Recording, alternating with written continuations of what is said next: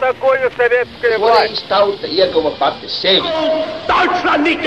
Liktenīgas nejaušības un slēptas likumsakarības, subjektīvas patiesības un objektīvi aizspriedumi. Pēc atkušņa nekad nenāk uzreiz pavasars, bet sākās Arī šodien cilvēki ir ļoti tūredzīgi. Viņi redz to naudu, kas ir. Televīzijā jau pamatā notiek cīņa par varu. Pagātne no šodienas skatu punkta un šodienas caur pagātnes prizmu. Raidījumā šīs dienas acīm. Katru svētdienu Latvijas radio ēterā Eduards Liniņš. Labdien, cienījamie klausītāji! 12. maijā apritēja simts gadi kopš 1917. gada 12. maijā tika dibināta Latviešu zemnieku savienība. Tas notika Valkā, tobrīd lielākajā vācu neokupētajā vidzemes pilsētā. Mans sarunbiedrs studijā - vēsturnieks Antonijs Zunda. Labdien! Labdien! Latviešu zemnieku savienība - viens no diviem lielākajiem spēlētājiem starpkaru Latvijas politikā. Un viens no tiem politiskiem spēkiem, par kura tādu vai citādu atzimšanu mēs varam runāt arī atjaunotajā Latvijas republikā. Tobrīd, 1917. gadā, kad šī partija top, kas ir tā sociālā un arī tā organizatoriskā bāze šīs partijas tapšanai, kas ir tās struktūras, no kurām veidojas Latviešu zemnieku savienība.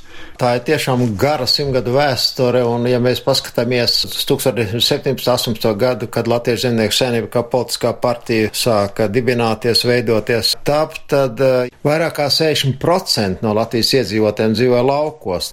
Latvija tā laikā izteikti agrāra valsts, un viennozīmīgi lielākais iedzīvotājs skaits dzīvo laukos, tad dzimstot ideja, attīstoties ideja par to, ka latviešiem vajag savu pastāvīgu valsti, vajadzēja rasties arī politiskam spēkam, politiskai partijai, kas nestu šī vairāk kā 60% iedzīvotāju domas, idejas, vēlmes, cerības.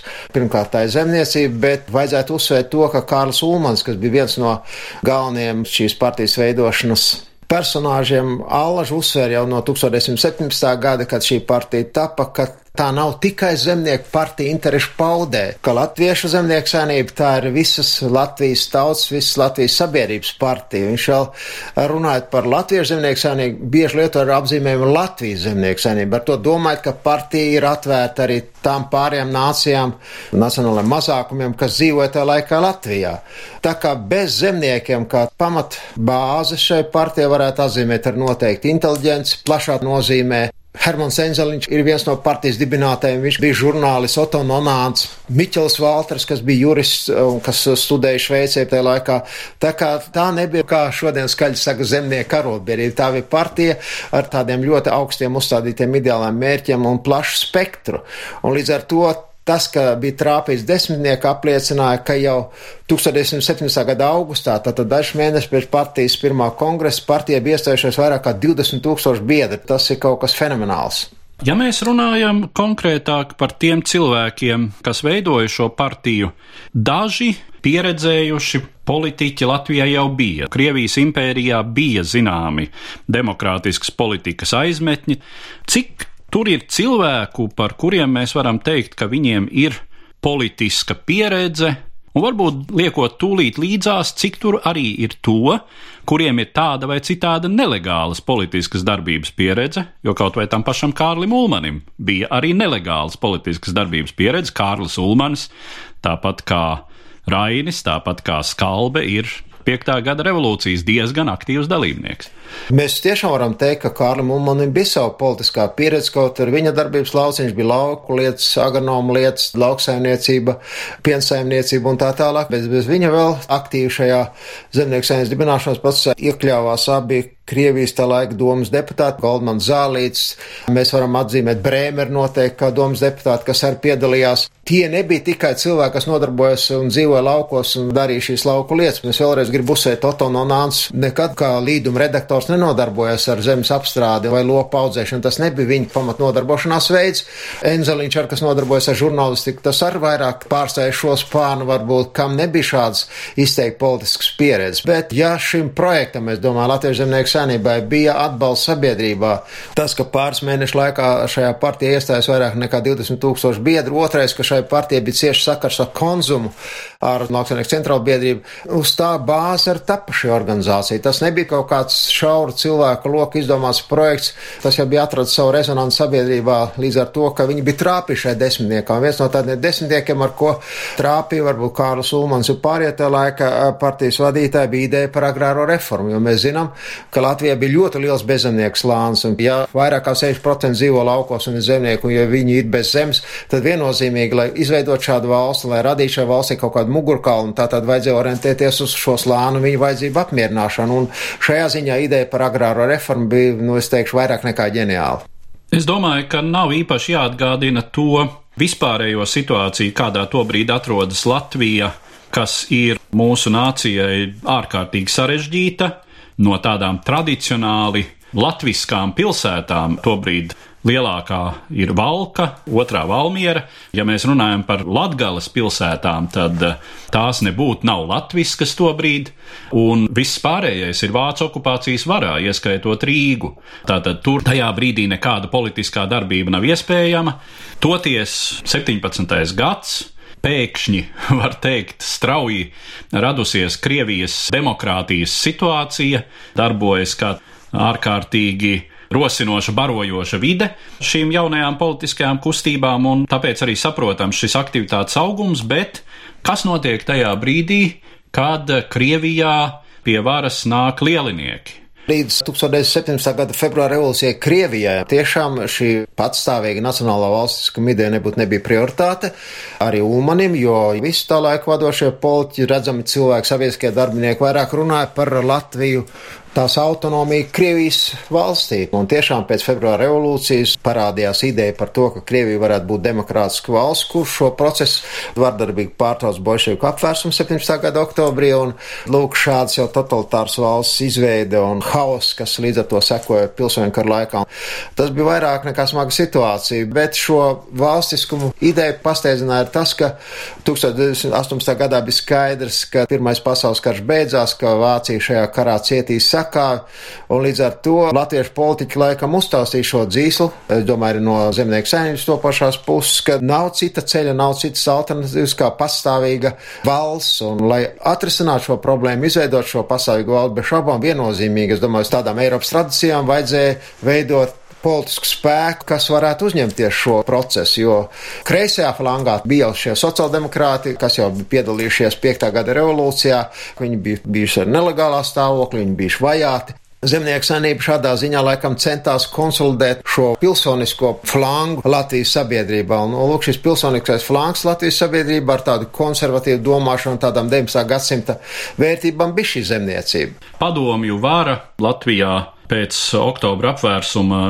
Petrogradā pastāv dažus mēnešus, un tūlīt pēc tam visu Latvijas teritoriju jau 18. gada martā okupē Vācijas karaspēks, kas droši vien no vienas puses Latvijas valsts tapšanas procesam ir eh, drīzāk par labu.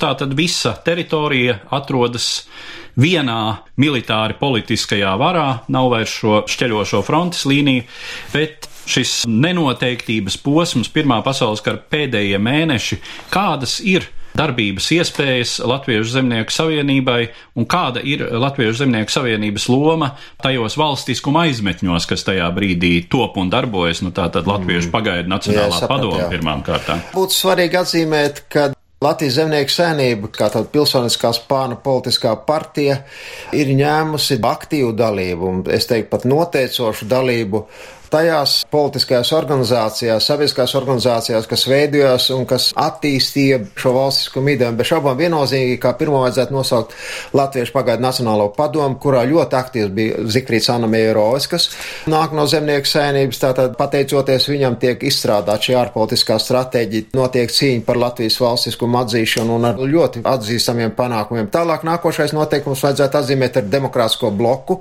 kurā darbojas Kārlis Ulmans, citi tā laika zemnieku saimnības aktīvs, kas arī bez šaubām ir šīs mūsu Latvijas valsts valstiskuma veidošanas viens no svarīgiem faktoriem, un viennozīmīgi arī Kārļu Ulmaņa izlolotā un arī citu partiju atbalstītā tautas padomu, kas jau saukts tiek skaļi par tādu Latvijas priekšparlamentu, kurā jau 40 politiķi, kas pārstāv noteikts politisks spēks, un es gribētu atzīmēt, ka zemnieku saimībai tautas padomē ir šis balsu vairākums, un tādā ziņā tas apliecina šīs politiskās partijas spēku, varbūt ietekmi un lomu valsts tapšanā tajā ceļā, pa kādu aizgāja šī jaunā topošā Latvijas valsts. Tieši tā, neatkarības kara periods ir tas laiks, kad Zemnieku savienība nopelna to politisko kapitālu, kāda tai pietrūkst sākotnēji, droši vien salīdzinot ar sociāldemokrātiem, kuriem ir šī garākā kap... vēsture, garākā vēsture, nopelni. Jā, nopelni cīņā pret carismu. Jā. Un nu nāk Zemnieku savienības slavas laiks laikā, kad sociāldemokrāti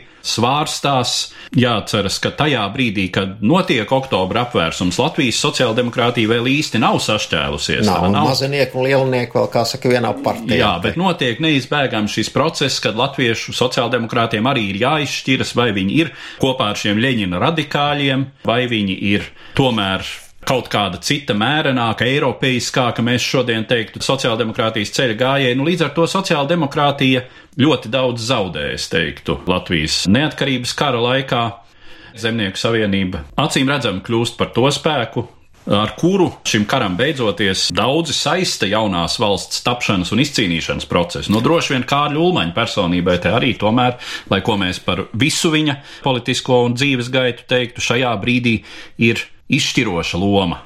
Jā, viennozīmīgi, jo Latvijas pagaidu valdība, ko izveido Tautas padomu 1918. gada 18. novembrī, pēc šīs deklarācijas par Latvijas valsti, tad mēs redzam, ka šīs pagaidu valdības vadītājs ir Kārlis Ulmanis. Šajā pagaidu valdībā darbojas tās personības kā Miķels Valters, kas ir iekšlietu ministrs, tālāk šeit darbojās Zikfrīds Anna Meiroits un Jānis Balods, kas ir pēc kalpa, ka Latvijas armijas virspavēlnieks viennozīmīgi beidoties brīvības cīņām, tātad uz 20. gadu sabiedrība saprata, kāda ir šīs nu pat nesen nodibinātās partijas nopelni. Šī partija ir uzvarējusi brīvības cīņās, viņa piedāvā tātad agrāro reformu, viņa piedāvā demokrātisku valsts attīstības ceļu.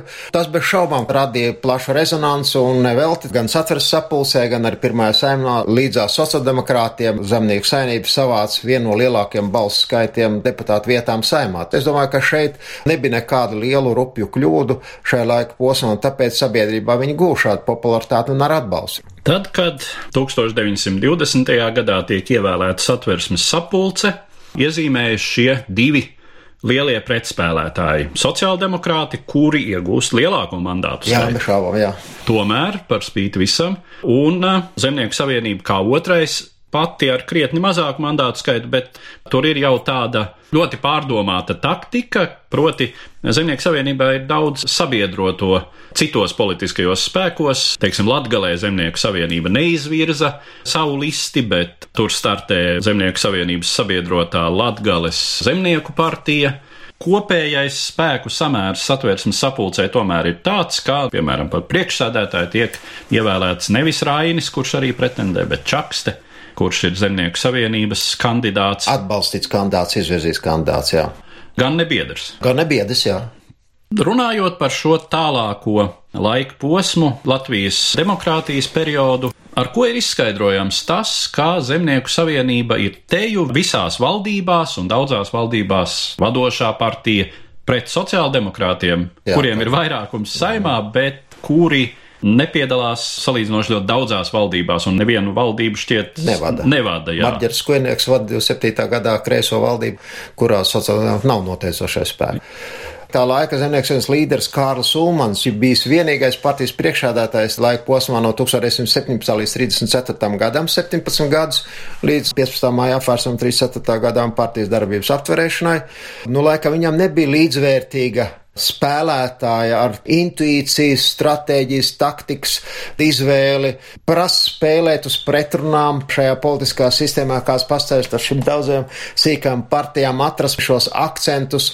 Es pat brīnos, jo Ulmanim jau nebija šāds profesionāla politiķa izglītības, viņam nebija profesionāla politiķa pieredze. Šajā ziņā jānovērtē viņa talants, bet arī zemnieku saimnība nebūtu nebija tāda monolīta partija. Šeit bija savs kreisais pāns, šeit bija savs labējais, šeit bija centriskais pāns, un Ulmanim tāds uh, nosacīta opozīcijā bijis vienmēr Hugo Celmiņš, cik es zinu, arī ar Zikrīdu Anmērojas vēlāk viņam šīs attiecības veidojas tāds neīpaši silts. Bet tas, laikam ir dabisks process, jo arī šodien nav neviena spēka, nav nevienas partijas, kurā nebūtu šo strāvu, šo virzienu, šīs pretimstāvēšanas, šīs diskusijas un cīņas. Ar šīm partijas iekšējām lietām Ulmans tika diezgan veiksmīgi galā, un līdz ar to tikpat labi es domāju, ka viņš tika galā ar šīm valsts lietām. Un pirmais, varbūt, ko gribētu uzsvērt, ir tas, ka Kārlis Ulmans, sākot vadīt pagaidu valdības, vēlāk zemnieku senība iekļaujoties jau pēc saimnes vēlēšanām šajās pastāvīgās valdībās, uztvēra pašu svarīgāko, pašu sāpīgāko problēmu, ko prasīja lielākā sabiedrības daļa risināt, tā ir tā tad agrārā reforma. Un jāsaka, agrāras reformas rezultātā Latvijā izveidojās 30. gadu otrajā pusē vairāk kā 50 tūkstoši jaunu saimniecību, no kurām lielākais skaits bija apmēram 17 hektāru, un mēs varam droši teikt, ka agrārā reforma, kuras viens no atbalstītiem ideologiem un iniciatoriem bija Kārlis Ulmans, radīja Latvijas valsts mugurkaulu. Tas radīja lielu ietekmīgu sabiedrības slāni, kas balstīja un turēja šo valsti. Ja šāda agrārā reforma nebūtu bijis, tad šīs eh, pretrunas valkot būtu saglabājušās un visi būtu neapmierināti ar to, kāda ir šī valsts. Zemnieku saimnībai bija liels sadrusmes šajā agrārās reformas jautājumā sociāldemokrātiem par to, kādai jābūt šai agrārā reformai. Un tā kā sociāldemokrātiem bija vairāk un satveres sapulce arī aizgāja šis projekts. Sociāldemokrāti bija par zemes nacionalizāciju, nevis izpirkšanu un pāriešanu tādā legālā ceļā. Ulmans redzot, ka šeit būs grūti turēties pretī šai pieeja, piekrita, bet Ulmaņa ideja bija par zemes izpirkšanu. Ulmaņa doma bija ļoti pareiza, jo tas tiešām radīja zināmas politiskas problēmas Latvijai Daudz Polijā, tā pašā Vācijā griezās pie valdības, tā skaitā pat tautas senībā griezās jau, un arī Anglijas valdība ar to, ka, lūk, viņi zaudējuši īpašumus šādas Latvijas valsts politikas rezultātā. Un šeit vajadzēja nu, manevrēt un vajadzēja pierādīt un aizstāvēt šo ideju, bet šo problēmu Latvijai bija radījuši sociāldemokrāti. Otrais, ko vajadzētu atzīmēt, tas, ka Ulmanim izdevās, un šeit konkrēti nopelna Zifrīdam Annam Merosam šajā laikā, kas go ļoti arī plašu pozitīvu atbalstu sabiedrībā, ka izdevās ļoti īsā laika posmā panākt Latvijas starptautisku atzīšanu. Latvija tika integrēta jau 20. gadu sākumā Versaļas sistēmā izveidota, viņa kļuva par tautsainības dalību valsts. No 18 parlamentārā posma valdībām, kas bija no 1908. līdz 34. gadam, 16 valdībā zemnieku saimnība bija noteicošais politiskais spēks un vēl sociāldemokrāti, kas savāks bija divreiz vairāk vairāk balsu saimas vēlēšanās nekā zemnieku saimnieki nespēja pat nokļūt pie varas un vadīt šādas valdības. Un lūk, te ir tas fenomens, ka prasa šajā situācijā norentēties, uzlikt pareizos akcentus, atrast sabiedrotos. Tā ir tā politiskā spēle, bez kuras tādā demokrātiskā iekārtā tas nav savādāk iespējams.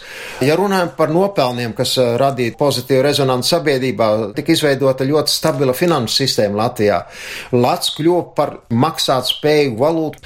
Lauksainiecība šajā laikā kļuva tiešām par vadošo tautsāniecības nozari, to atbalstīja valdība, bet vajadzētu atcerēties to, ka Kārļa Ulmuna nopelns ir tas, kas sāka veidoties tā saucamā jaunā rūpniecība. Tas fenomens, kas radās Latvijā, ķeguma hes, ko uzcelt tautas nami, izglītības iestādes ceļi, tas viss radīja šo tēlu Tomēr Latviešu zemnieku savienības šim veiksmes stāstam, protams, ir arī otrā puse, un tas, ko var lasīt, ka 30. gadu sākumā Latviešu zemnieku savienības popularitāte ir sarukusi. 14 mandāti bija 4. saimā. Pārāk liels kritums arī nebija, bet pa kādām četrām vietām bija mazāk. Tad jājautā, kādi tomēr bija iemesli.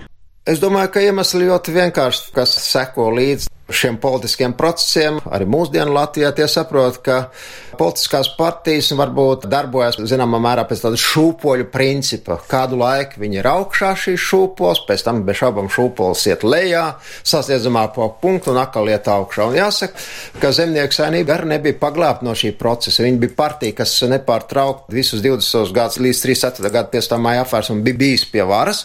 Šis varas partijas iespējas deva savas sviras, kā šo partiju partiju noturēt, kā saglabāt viņas vietu lomu sabiedrībā un tā tālāk. Bet bija arī negatīvās lietas. Tur bija kļūdas zināmas, bija arī korupcijas skandāli, un tas bez šaubām nāca līdzi.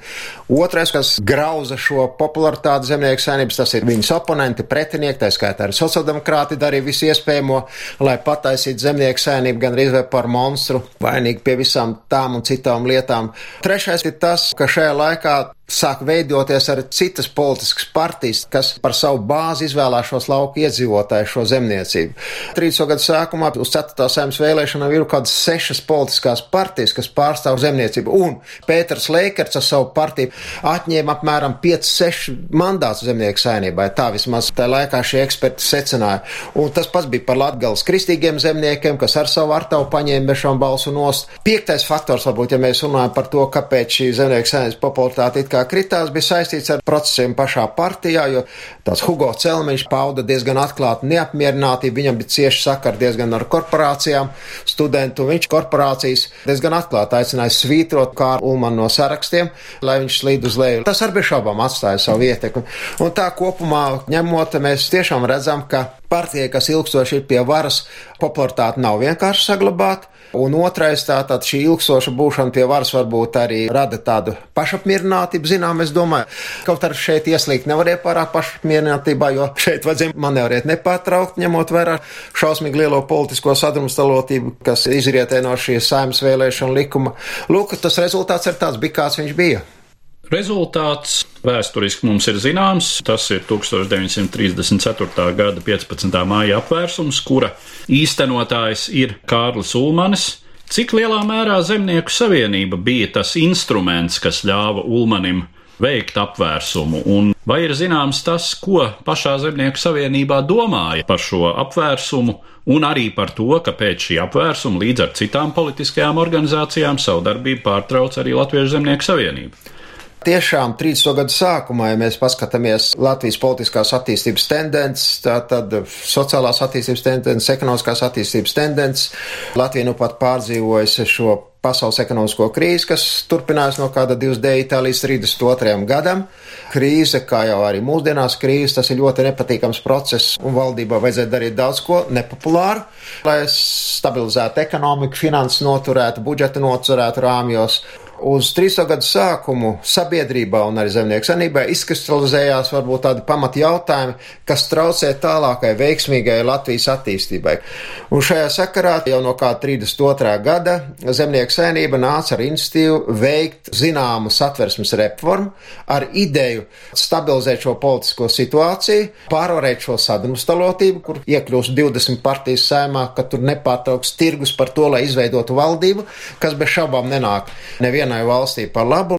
Kā tādu alternatīvu zemnieku saimnību piedāvāja arī tautas vēlēt prezidentu ar plašām pilnvarām, kas pēc viņas domā dotu iespēju pārvarēt Latvijas pavisam jaunās demokrātijas grūtības, kāds viņai radās šeit 30. gadu sākumā.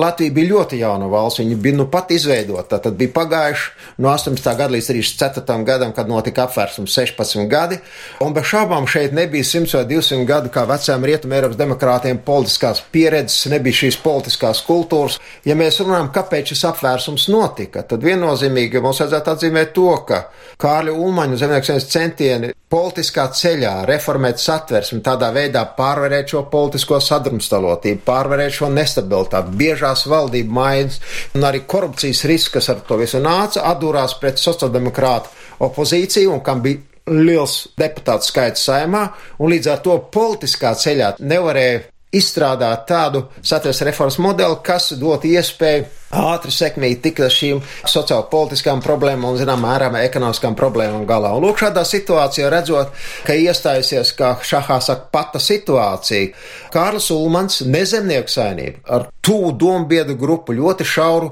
mazu domu biedu grupu, izlēma, ka vienīgais ceļš, kā var glābt šo valsti, tātad valsti, kuras tapšanā, dibināšanā viņi visi bija ielikuši tik daudz pūļu un ar asiņu, ir veikt šo apvērsumu, apturēt satversmes darbību, stabilizēt ekonomisko, politisko situāciju valstī, audzināt politikas sabiedrību Latvijā tik tālu, lai viņa būtu spējīga jau kā atbildīgs vēlētājs lemt par to vai citu lietu. Un lūk, šādā situācijā 1937. gada 15. maijā Kārlis Ulmans ar Jāni Balodu, tātad ar vienu no Latvijas valsts tapšanas karogiem, kopā ar Alfredu Bērziņu, Vilhelmu Munteru, norganizējuši apvērsumu piesaistot aizsargus, piesaistot Krišānu Bergu kā armijas tā laika komandieri, piesaistot iekšlietu ministriju, un tādā veidā šis apvērsums arī notika. Un es gribētu teikt to, ka tiešām 37. gada mājā, kad tiek pārtraukts šis demokrātiskais Latvijas attīstības posms, neviens kaut cik vērā ņemams politisks spēks vai liels iedzīvotājs lāns neprotestē pret šo apvērsumu. Tātad šeit nav nekādu sadursmi, šeit nav nekādu protesta mītiņu, un tas viss liecināja par to, ka Ulmans atkal bija kārta reiz trāpījis desmitniekā un bija spējīgs ar savu intuīciju izskaidrot, kāpēc šāds apvērsums ir noticis. Zemnieku saimnība kā politiska partija šajā apvērsumā nepiedalījās, viņa neizstrādāja šo stratēģiju, viņa nebija iesaistīta. Un to apstiprināja tas, ka zemnieku saimnības, tāpat kā pārējie politisko partiju darbība, 37. gada 15. maijā tiek apturēta. Arī no partijas puses nekāda liela protesta šeit nesako. Alberts Kvies, kas ar pārstāja šo partiju, viņš arī neuzstājas ar protestu, neaicināja armiju griezties pret sazvērniekiem, padzīt viņus un atjaunot demokrātisko iekārtu. Šāds solis laikam Ulmaņa un zemnieku saimnes līderi izpratnē bija mērķtiecīgs. Neaiz idejas sagraut uz mūžīgiem laikiem demokrātiju, sagrābt uz mūžīgiem laikiem politisko varu, iegūt kaut kāds finansiāls vai ekonomikas labums. Tā nebūtu, nē. To sabiedrība novērtē.